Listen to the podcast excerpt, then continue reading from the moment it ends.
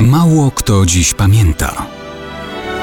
Datownik historyczny prezentuje Maciej Korkuć.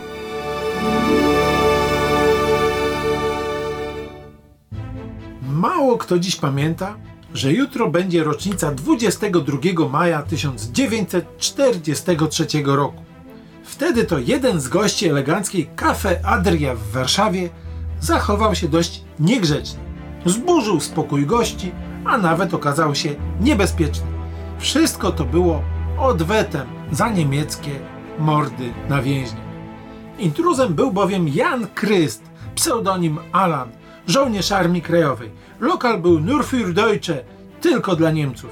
Mieli oni tam w spokoju przebywać w towarzystwie innych przedstawicieli owej niby rasy panów.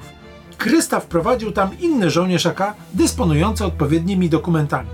Elegancja, oficerowie, kobiety w strojach wieczorowych, tancerki na scenie. Jest godzina 21.50.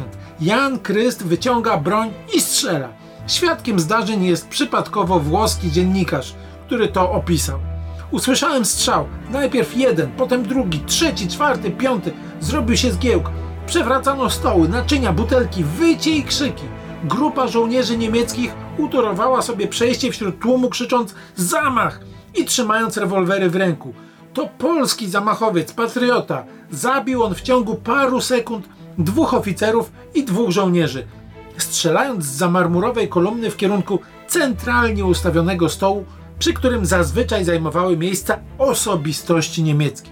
Kryst praktycznie nie miał szans na ucieczkę. Najprawdopodobniej był zdecydowany na misję samobójczą. Najpierw od tyłu został zdzielony przez Niemca krzesłem w głowę. Włoch opisuje dalej. Wysoki młodzieniec z twarzą zbroczoną krwią padł na ziemię. Niemcy rzucili się na niego i zmasakrowali, bijąc flaszkami i stołkami. Jan Kryst zmarł na miejscu, ale kilku Niemców wysłał do piekła w odwecie za mordowanie więźniów. Cała reszta zrozumiała, że owa rasa panów nawet w lokalach tylko dla Niemców bynajmniej bezpieczna nie jest.